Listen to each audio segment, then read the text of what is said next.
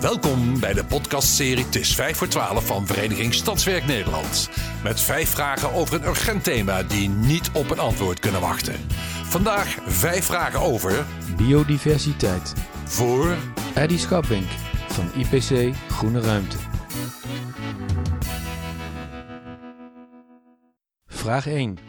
Gaat het echt zo slecht met onze biodiversiteit als je vaak leest? Uit diverse onderzoeken, zowel in Nederland als wereldwijd, komt naar voren dat er een sterke afname is in biodiversiteit. En daar, heb ik het, daar hebben we het over percentages van eh, 60, 70 procent. Vooral waar het de insecten betreft. Dus eh, de noodzaak om aan een verbetering en vooral herstel van biodiversiteit te werken is groter dan ooit. Vraag 2. Waarom gaat het zo slecht met onze biodiversiteit? Daar zijn diverse oorzaken voor, maar eentje die ik vooral wil benadrukken en ook eentje waar we met elkaar direct invloed op hebben, is de inrichting en het beheer en het gebruik van onze buitenruimte. Als ik eh, mensen vraag of ze eten in huis hebben, zeggen ze meestal volmondig ja. Als er water uit de kraan komt, krijg ik ook altijd een bevestigend ja. Een dak boven hun hoofd lukt ook bijna altijd. En als ik vraag naar een, vriendje of een vriendinnetje, dan gaat dat meestal ook wel goed. Niet altijd gegarandeerd, maar dat lukt meestal ook. Kortom, we hebben de vier fundamentele V's. En dat zijn voedsel, vocht, veiligheid en voortplanting voor onszelf vaak hartstikke goed geregeld.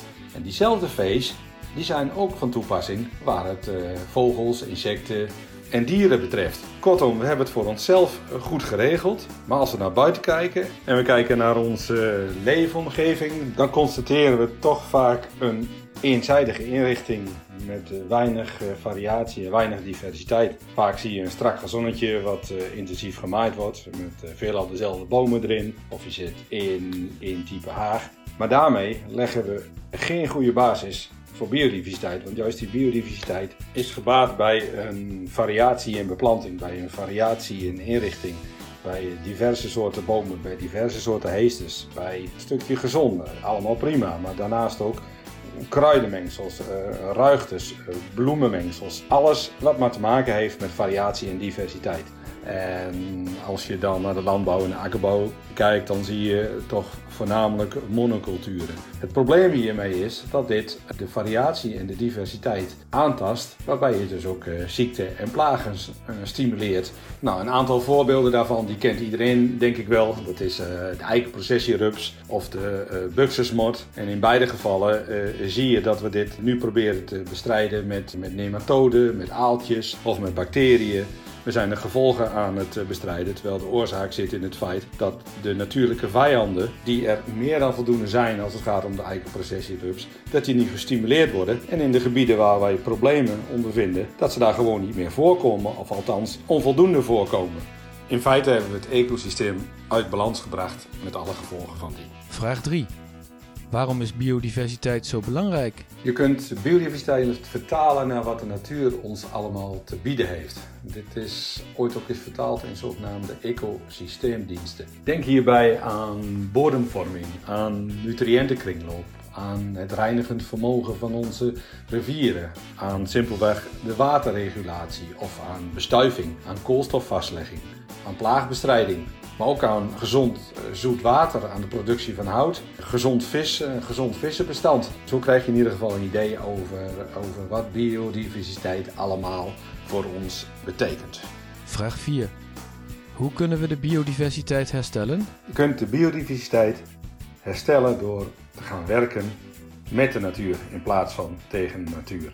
Maak gebruik van de natuurlijke processen.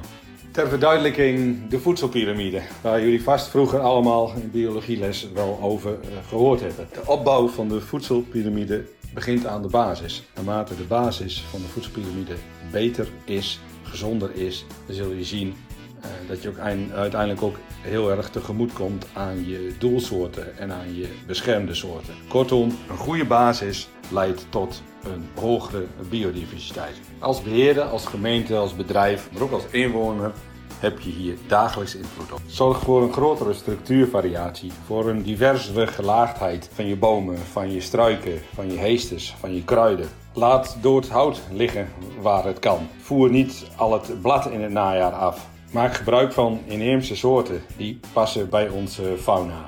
Probeer gradiënten te creëren in de vorm van taluds of in de vorm van, van hellingen. Probeer te zorgen voor jaar rond oppervlaktewater. Als er sprake is van waterplanten, probeer deze dan gefaseerd te maaien en niet alles in één keer. Maak takkenrillen of andere mogelijke schuilplaatsen voor dieren. Ben eens kritisch naar je maaibeheer. Kan ik niet minder maaien of moet ik niet gefaseerd gaan maaien? Kortom, bedenk bij alles of je tegemoet komt aan voedsel, vocht en veiligheid. Laat de natuur met al zijn ervaring en al zijn kennis ook af en toe gewoon zijn gang gaan. Vraag 5. Wat wil je de luisteraars verder nog meegeven? Aan de beleidsmensen zorg voor een goede, degelijke verankering van biodiversiteit in je beleidsstukken, in je, in je bestekken, in je aanbestedingen. En zorg dat, dat de mensen in, in de operationele uh, functies ook kennis hebben van natuur en natuurlijke processen, zodat het voor hen ook makkelijker wordt om het fenomeen biodiversiteit te begrijpen en te verbeteren en vooral te herstellen. En daar zou ik aan willen toevoegen dat het verbeteren van de biodiversiteit ook nog eens bijdraagt aan aan vier van de 17 Sustainable Development Goals. Denk hierbij aan goede gezondheid, welzijn, aan duurzame steden, klimaatadaptatie, leven in water en leven op land. Met andere woorden, genoeg redenen om te beginnen met het herstellen van de biodiversiteit. U luisterde naar Het is 5 voor 12, een podcastserie van Vereniging Stadswerk Nederland. Heeft u zelf een urgent thema met vragen die niet op een antwoord kunnen wachten? Mail het dan naar info.stadswerk.nl onder vermelding van podcast. Dank voor het luisteren.